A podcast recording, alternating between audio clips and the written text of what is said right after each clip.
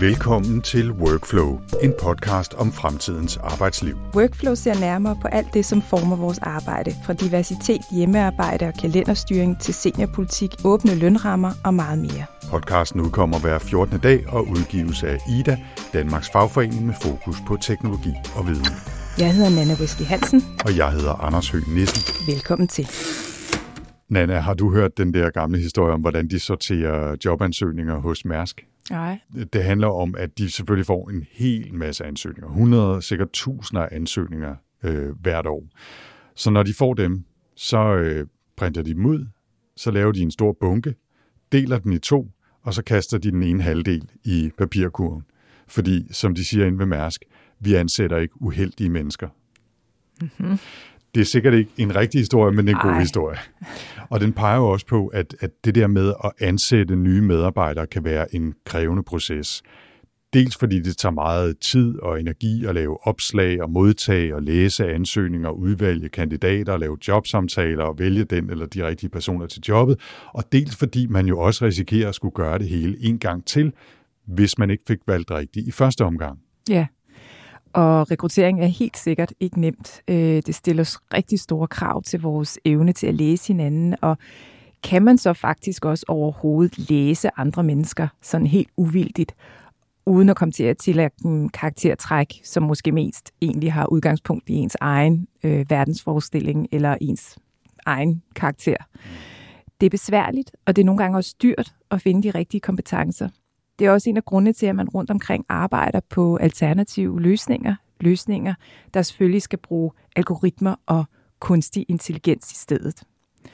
Og drømmen er jo at lave systemer, der kan læse hundredvis af ansøgninger, og så vælge den bedste, så man måske ender et sted, hvor man jo HR nærmest bare skal klikke ja tak, og så automatisk ansende øh, en person og sende denne en kontrakt. Men øh, der er vi jo slet ikke endnu. Nej, det kan man ikke sige.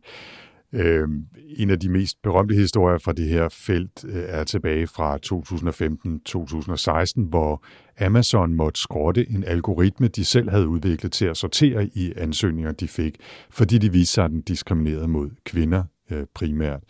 Grunden var jo den efterhånden velkendte, når det handler om algoritmer, at de jo lærer af udvalgte datasæt som kan være fyldt med bias og forskellige øh, skævvridninger.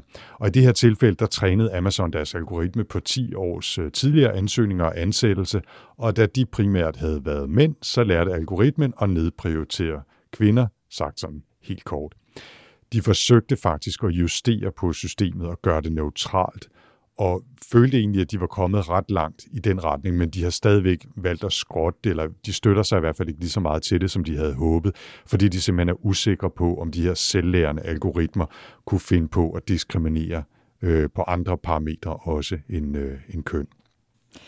Men det betyder ikke, at jagten på det fuldautomatiserede AI-drevne ansættelsessystem er stoppet endnu. Forløbig så arbejder man dog i en lidt anden retning.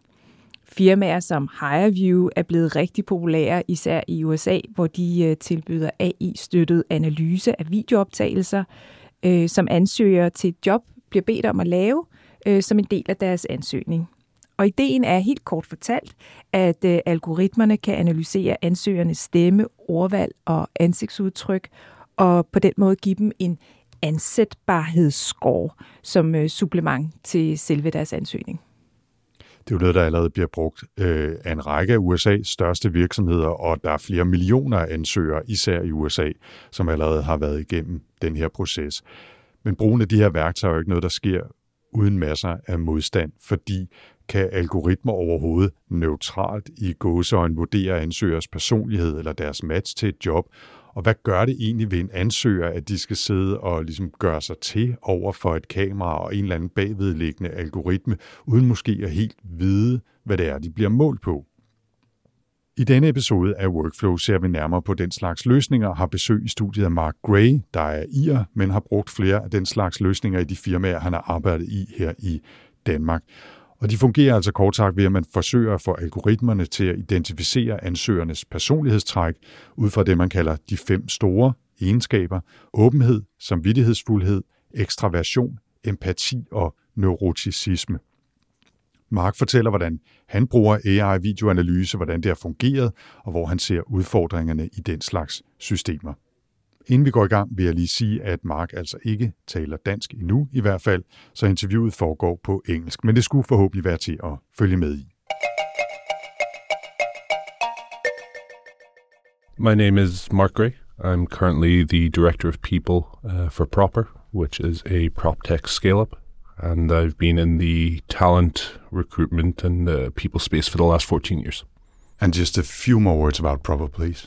Yeah. So Proper is a platform that automates property management for long term rentals. Um, so if you're a landlord, uh, it's still quite a old school industry uh, that hasn't really evolved in the last 15 years. So it's a platform that manages all the interactions between landlord and tenant, whether it's uh, rent collection, accounting, reconciliation, um, and handles the the, the whole interaction and making the whole process a lot more transparent.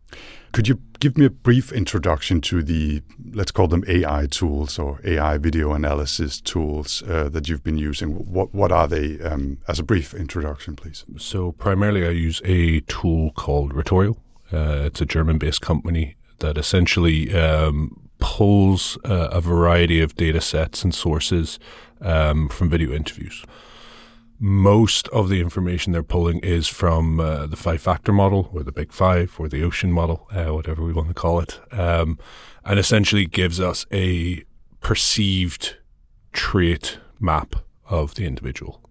Um, primarily, uh, I use it in roles that have a tangible output. So things like sales or customer support or some digital marketing roles so that there is a you know, a clear output on how we benchmark people. Hmm. So, Mark, you just mentioned personality traits. Could you just give a brief introduction to that as well, to to explain what it is you're looking for and how? Sure. Um, so the uh, five factor model, or the Big Five, or the Ocean model, uh, has many names. Uh, same thing um, is essentially the uh, kind of scientific baseline for most psychological assessments. It's the kind of key components of who we are as people, you know, and there's also sub factors to those five factors. So it's not just five things and, you know, everyone's different. Um, so you have openness, conscientiousness, uh, extroversion, agreeableness, and neuroticism. And then, as I mentioned, they have sub components as well. Hmm. Um, and that's essentially the, the baseline for how most people, uh, personalities are assessed. And this big five model, that's really about personality traits. So you're looking not so much at what their skills, I mean, you're looking at their skills as well, but you also look at what type of personality do these candidates have. Yeah. So, you know, there's been quite a lot of research documenting how, you know, individuals that are higher in conscientiousness tend to perform better mm-hmm. uh, in a lot of roles. Um, and also factoring in things like, you know, someone that scores quite highly in neuroticism probably isn't going to do too well in a sales environment when they hear, you know, no 99% of the time. So it's factoring in some of this research uh, and actually bringing it into the workplace to understand, well, what's the impact of these traits uh, on an individual's performance. Som nævnt bruger Mark Gray og Proper AI fra det tyske firma Retorio, når de skal analysere video fra ansøgere. Retorio er et spin-off fra det tekniske universitet i München og har netop specialiseret sig i at lave videoanalyse med fokus på afkodet personlighedstræk og opførsel. Softwaren ser på visuelle input som ansigtsmimik, kropssprog og håndbevægelser og laver også analyser af stemmeføring og sprogbrug. Selve videooptagelsen, som ansøgerne skal lave, tager 10-15 minutters tid, siger Retorio, og kræver bare et øh, videokamera, det er jo som regel bare en mobiltelefon, og så en hvid baggrund og nogenlunde stille omgivelser. Mark, could uh, you please sort of explain how you use this tool, how you work with it mm-hmm. in your everyday work life? When we go to hire a salesperson, we look into a multitude of factors. So, firstly, what actually makes a good salesperson? So, one method that we use is partly we look at okay, who in the business right now is performing at a very high level? And then we try and kind of reverse engineer that to understand, well, why is that? So part of it is the individual's big five model. Mm. Um, part of it is how they perform in the interviews. So we do like mock interviews. So we'll go, hey, candidate X, the hiring manager is expecting your call on Thursday. You need to give them a call and do a pitch. And that's it. And mm. see how they perform, how they handle objections, about product knowledge, um, and you know, you know some of the basics of sales. And you have to explain that to me. So, how is this an observed AI tool? It, does it read emotion in the face expressions, or how does it work? So it pulls on a variety of factors. Um, obviously, you know the companies don't disclose the data models right. that they use. Um, I think it can be a, vi- a, a, wide variety of things. So tone, pitch, language. Um, you know the inclination of the language. How positive is it? How negative is it? Um, you know, it's kind of like if you met a few people, you could quite quickly discern okay, is this someone very agreeable or is this someone very disagreeable? Mm-hmm. And it kind of uses some degree of natural language processing as well. I think most companies are moving away from, or in some cases, some companies have not even looked into uh, reading facial expressions because, you know, just because you smile doesn't mean you're happy. Uh, so I think a lot of companies are targeting much more minutia details in how we interact. And obviously, the more people do it, the more people that do these videos, the larger the data set to analyze and correlate the information to. How much have you been using this tool uh, in your previous job and, and at Proper? I'd say for the last three years, mm. uh, we've been using it. Um, essentially, you know, three years ago, we went through quite a big bit of scaling. And uh, we ended up hiring quite a lot of salespeople, and you know, naturally, your your gut's like, okay, this guy's going to do really well, and this girl's going to blow it out of the park, and and then you know, six months pass, and you're like, wow, we were so wrong. You know, the people that we thought would do well have struggled or have left, and the people that were a risk hire are performing incredibly well. So that kind of led me down the rabbit hole of understanding, well, is there a better way of doing this? And that's when, you know, you dive into the social sciences. And so we try to build a model around that. But before we did that, we kind of did a, okay, let's look at our sales team now and let's mm-hmm. actually get them to do, you know, a, a big five test. And, and we, you know, the correlation was crystal clear, you know, from a relatively small sample, but, you know, individuals that were highly conscientious, high on openness, low on neuroticism, they performed much higher than individuals that weren't. Um, right. So that gave us kind of a, a working model. Um, you know, that came, kind of gave the baseline, and it's supported by some research yeah. that's already been done. But the major difference is most traditional Big Five tests are perceived. So, you know, you're given a checklist of do you believe this statement? Do you strongly agree with it? So it's your own interpretation of who you are. It's mm-hmm. kind of a reflection of how you like to see yourself and not how you actually see yourself. Yeah. So that's why now with a lot of these AI tools, it's more of a observed a big five model. Um, so and there's some discussion now of which is more valuable. How, let's say, a sample of 100 people see you versus how you see yourself. When people are faced with, okay, do you tell them that you're using this AI technology and they have to do this interview? And, and how do they respond to that? Yeah, no, no. Everyone's informed, so I'll send everyone, you know, a pretty detailed email going, you know, this is what you're going to be asked. This is the purpose of the interview. This is how the information will be stored, you know, GDPR compliant. Uh, it will be deleted after 30 days. Uh, and this is what we try and understand from it is essentially a method for us to look beyond the CV. So we're very upfront and it's optional. You know, we tell candidates, you know, if you don't feel comfortable with this, that's completely fine. It just means we have to do an extra interview step manually, and it takes a bit longer. So um, it's an optional thing. Uh, most candidates are up for it because they're like, "Oh, this is kind of interesting." You know, a two-minute interview that's a bit strange. Um, so, and you know, we're we're very open and transparent about the whole thing. Yeah. And how many have chosen not to participate in that part?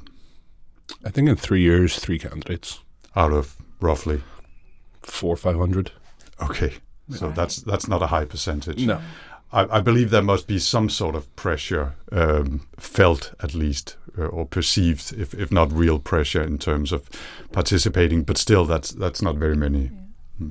Uh, I remember from uh, when you do these personality tests, are sort of like old school, where you ask people to fill out papers, right, and then they you receive them, and then you sort of find a score for them uh, then it's really important to give them sort of informed feedback on the test. Do you do you have to do the same with this AI tool or? Um, if people ask for it, yeah. Yeah, okay. Um, you know, uh, within the intro email I send, um, there's also like a demo link where I'm like, you, you know, you can go onto the site, you can do your own recording, and you can see your results. Yeah. So if you want to play around with it first, so you're comfortable with it. Yeah. Um, so, you know, the main aim here isn't to kind of gotcha. It's to kind of go, you know, this is giving you a different opportunity. Yeah, yeah.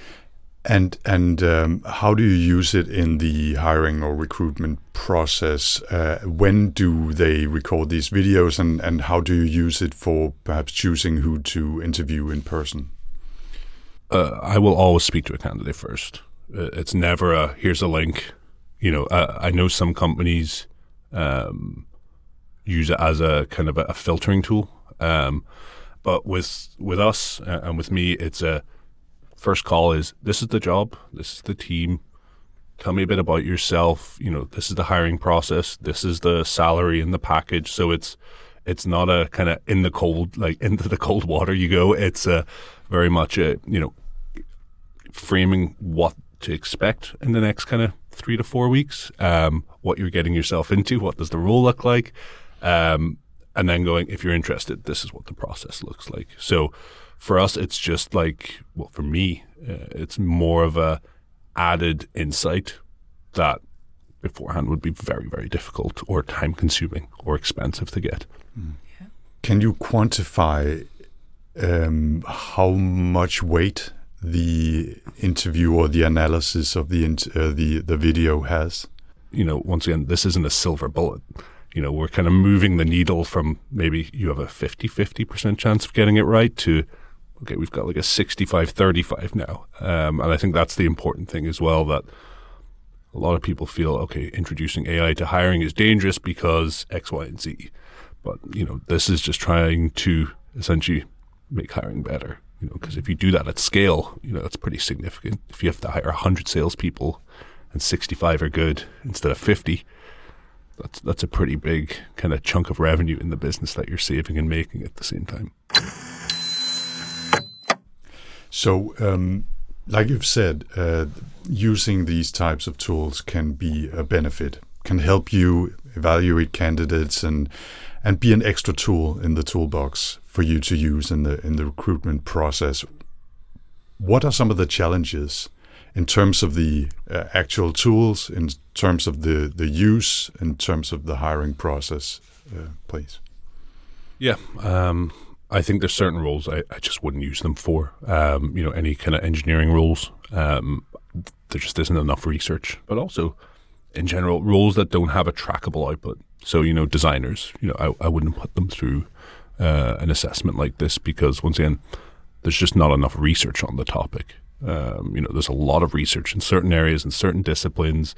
Uh, I know law is, is an area they've really dug into, which is really interesting That you know the impact of personality on conviction rates. You know, really interesting stuff. But you know, there's not the same body of research on. Okay, you know, someone that's highly conscientious codes more. You know, well, is that a good thing? In most cases, no. You know, it's not clean code. So, uh, in certain roles, I just wouldn't. Uh, I wouldn't use it um, just because it's not a value add. And you know, hiring is this constant balance of like signal versus noise, um, and it's a it's a fine line uh, with certain roles. But if the tools were better or more advanced, you wouldn't object to using those tools, I'm guessing, if they were able to sort of uh, help you evaluate a candidate in the same way for a, a design role than uh, you now use for a for a sales role, for example. Sure, uh, but I think once again, most of it has to be based in research, uh, and I think that's why some companies have got in trouble because they make claims that they can't back up. It's like, oh, we believe X, Y, and Z, and there's nothing supporting that statement. Uh, so, if they could make something that's more advanced and that could help us, and you know, it's documented and uh, it's empirically researched, great. I'll use it. Uh, up until that point, probably not.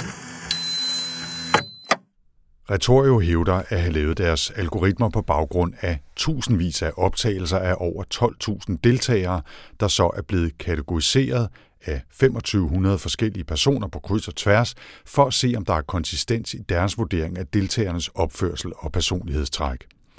Det er så blevet indkodet i algoritmerne bagefter, så de efterfølgende, forhåbentlig, kan være lige så konsistente i deres vurdering af de nye optagelser, ansøgerne laver.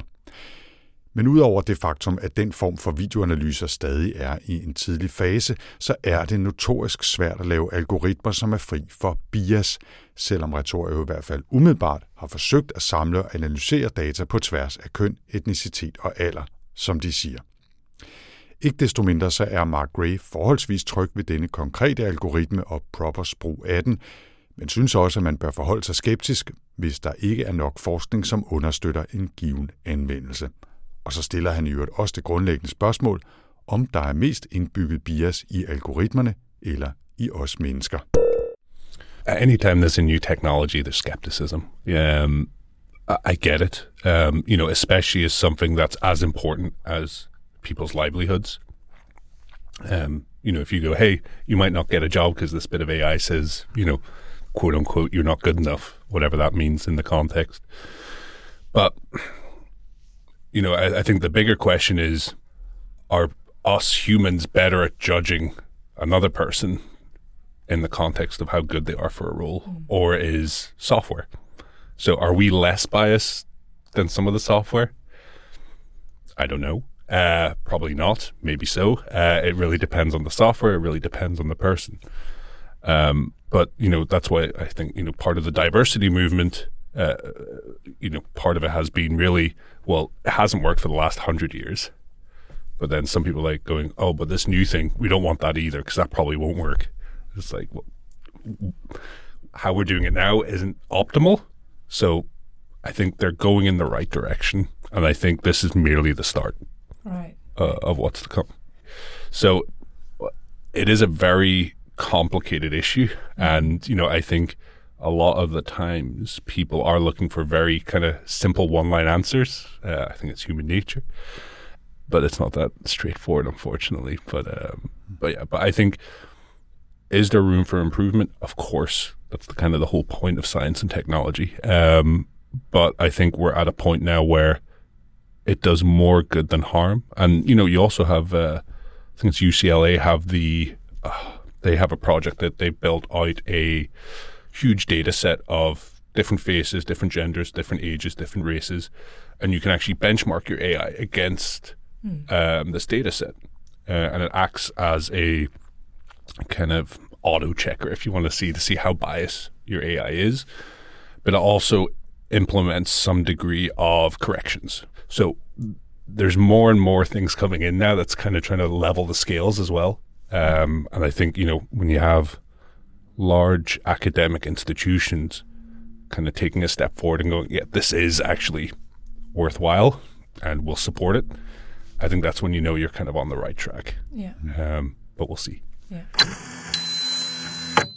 So, Mark, you've been part of doing research in, in developing these tools. Could you tell us a bit about who you're working with and what you're looking into? Yep. So I'm working with the Technical University of Munich uh, alongside Retorio, who are providing the technology to do the research. Uh, and we're primarily looking into finding out, you know, a the observed personality traits of salespeople and seeing that impact on performance.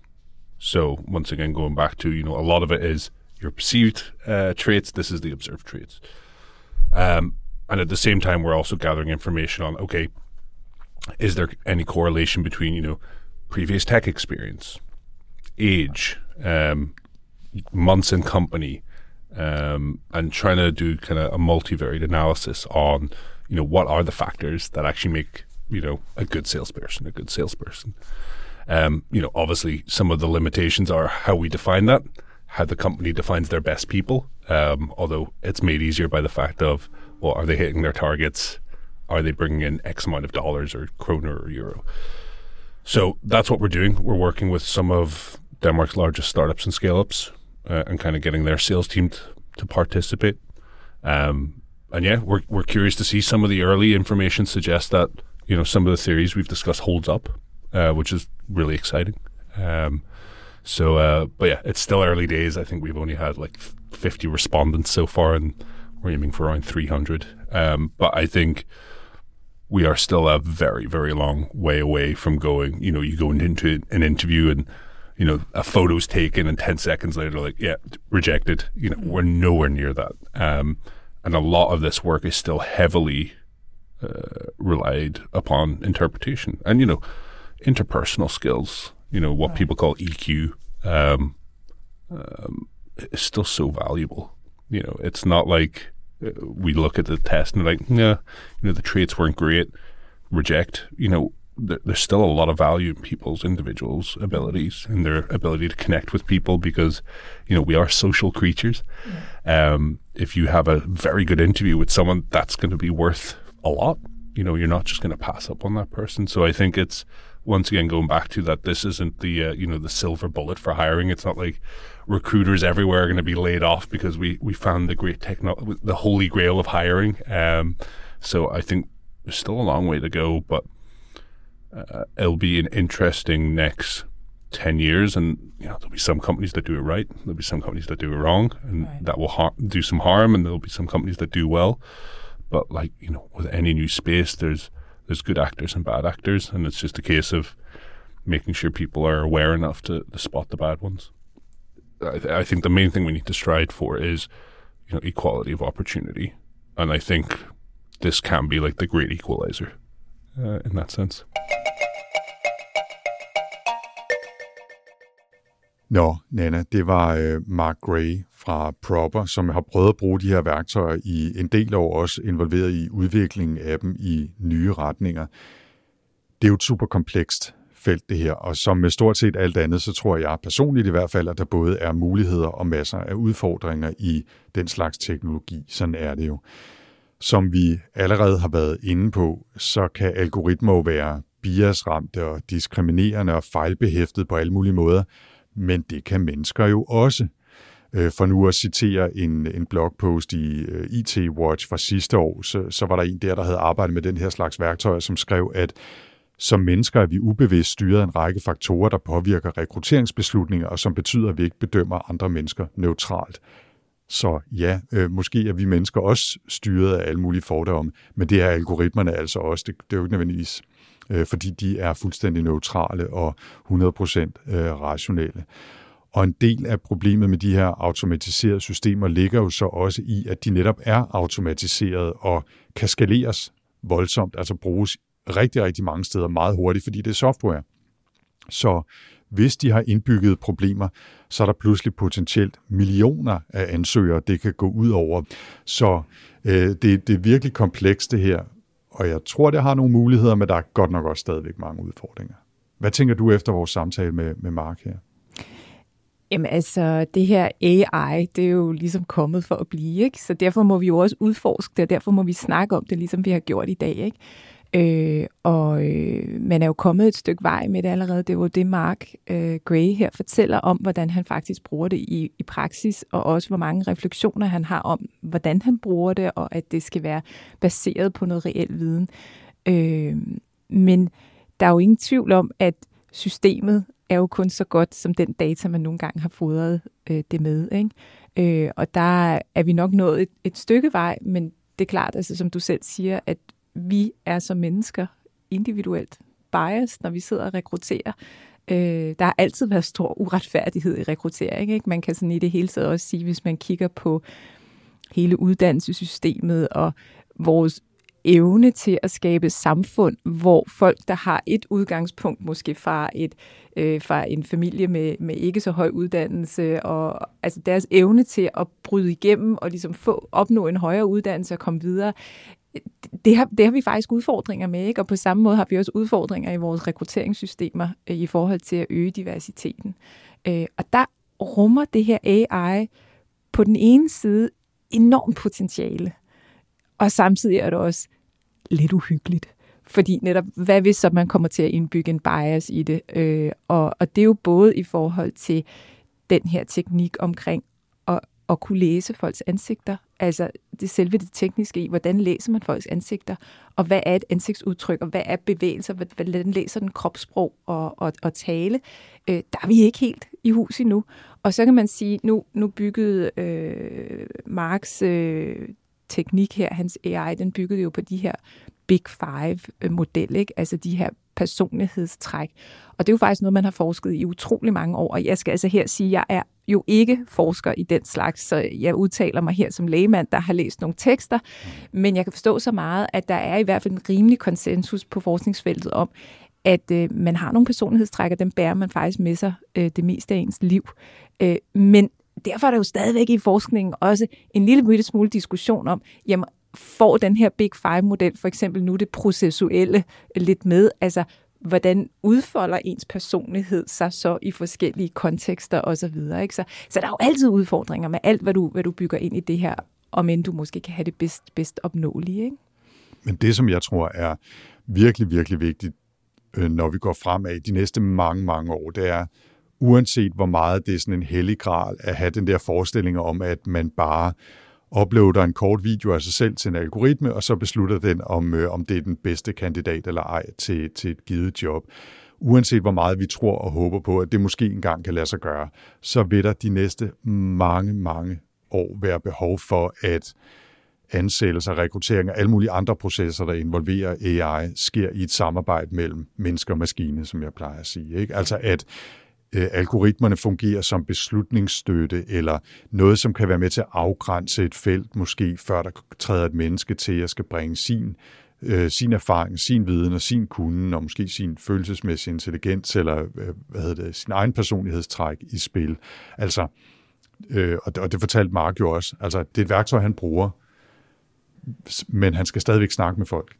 Altså det er ikke bare, uploade en video, og så ansætter vi dem, som algoritmen siger er de fem bedste. Og det mm. bliver det måske aldrig, og det skal det måske heller ikke være.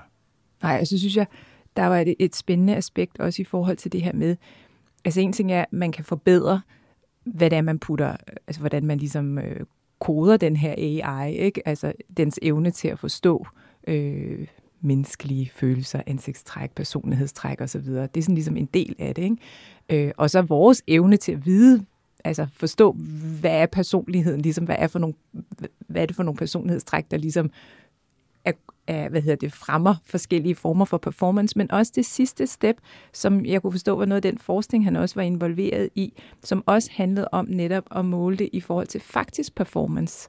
Øh, og det begynder jo så at stille krav til, hvordan måler vi så performance, og måske kan man forbedre det også. Øh, og det er jo sådan et samspil mellem de her tre elementer, øh, og, og på en eller anden måde perspektivet i, hvis man bliver dygtigere til det her, øh, jo, ret, øh, jo ret interessant i forhold til, at man kan blive endnu bedre til måske at få de rigtige talenter på de rigtige øh, positioner. Ikke? I, i virksomhederne. Men, men samtidig også altså potentielt mere skræmmende. Ikke? Altså hvis du forestiller dig, at øh, når du sidder og skriver dine artikler og laver dine research-samtaler og holder dine oplæg, at der så hele tiden er en eller anden algoritme, der kører i baggrunden og måler på, hvor mange der læser, hvor mange ord du skriver, hvor højt likstallet er, om de mennesker, du taler til, begynder at se ud, som om de ikke rigtig hører efter længere osv. Og så, øh, så bliver du lige trukket 15 procent i din løn, fordi du ikke ramte nok mennesker med din forskning i et givet år. Altså, det, det, er, jo, det er jo også et skræmmebillede, som ligger ja. et eller andet sted, ikke urealistisk øh, i, i øh, enden af en spekulation om, hvordan den her teknologi kan, ja. kan bruges. Ikke? Og det er jo, altså, sandheden eller virkeligheden bliver jo nok et eller andet sted imellem utopien og dystopien, det plejer den at gøre. Ikke? Men det er der absolut nogle udfordringer, man skal holde sig for øje. Altså, at man ikke bare siger, hey ho, nu lader vi algoritmerne styre det hele. Ja. Og så en kæmpe, kæmpe udfordring for det her område bliver jo, hvordan man vil lave en eller anden form for regulering. Og nu begynder det sådan at lyde allerede lidt træls, ikke? fordi så skal der noget regulering ned over, og vil man så ikke bare stoppe, hvad hedder det, fremgangen i at få udforsket det her område. Men alligevel, der er bare så meget, øh, hvad hedder det, øh, i forhold til personlig information, og hvad skal der ske med de her små film, og hele processen omkring det også i forhold til, hvad er det for en feedback, man får i forhold til det, man egentlig medvirker i. Og hvad hvis de lærer ens data og bruger den i en eller anden kæmpe base? Jamen har man bare sagt ja til det, fordi man søger et job, ikke? Øh, og netop hele det her med, hvad hvis der så er systematisk bias, øh, og du er blevet sorteret væk og blevet uretfærdigt behandlet igen og igen, måske i en hel branche, fordi man er begyndt at bruge det samme rekrutteringsfirma alle sammen, jamen kan man så lægge sag an om det, at man er blevet uretfærdigt øh, diskrimineret? Ikke? Altså der, der er en, et helt reguleringsperspektiv, som er sindssygt interessant, og som øh, skal udvikles, og som måske hænger lidt i bremsen i forhold til, at det her felt udvikler sig mm det er givetvis noget, vi kommer til at høre meget mere til øh, de kommende år, og sikkert også her i Workflow.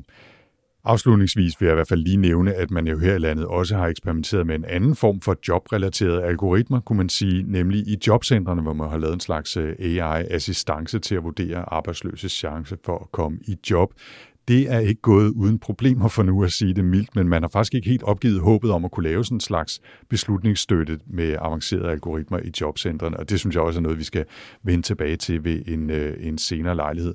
Og der kunne vi faktisk også se på et andet relateret forskningsprojekt, nemlig et forsøg på at løse udfordringen med at matche jobomslag med potentielle ansøgere, altså et skridt før det der med at lave analyse på dem, der rent faktisk øh, ansøger på et job. Og det er altså det, som det her forskningsprojekt nu skal gøre. Det er et, samarbejde mellem Datalogisk Institut på Københavns Universitet og Aalborg Universitet, sammen med IT- øh, og rekrutteringsvirksomheden Jobindex, som jo har rigtig, rigtig mange data, både fra jobopslag og fra de stillinger, som deres konsulenter ligesom har forsøgt at shoppe til folk, der er i Jobindexes database over folk, der er, kigger efter jobs. Så det bliver vi sikkert også nødt til at vende tilbage til på et eller andet tidspunkt og se nærmere på det her øh, forskningsprojekt. Vi linker i øvrigt i vores show notes til en masse artikler og anden information om ansættelsesalgoritmer og videoanalyse, hvis man har lyst til at grave sig mere ned i den baggrund. Du finder vores show notes på ida.dk-workflow eller i din podcast-app. Og så er der ikke mere i Workflow. Men vi vender tilbage igen om 14 dage med et nyt kig på fremtidens arbejdsliv. Hvis du vil vide mere om podcasten, kan du besøge vores hjemmeside på ida.dk-workflow, og hvis du vil skrive til os med kommentarer, idéer til emner og gæster eller andet input, så kan du skrive til os på Twitter med hashtagget WorkflowIda eller kontakte os via Idas hjemmeside. Workflow bliver produceret af Podlab og udgives af IDA, Danmarks Fagforening for Digitale, Naturvidenskabelige og Ingeniører. Jeg hedder Anders Høgh Nissen. Og jeg hedder Nana Wesley Hansen. Tak for denne gang.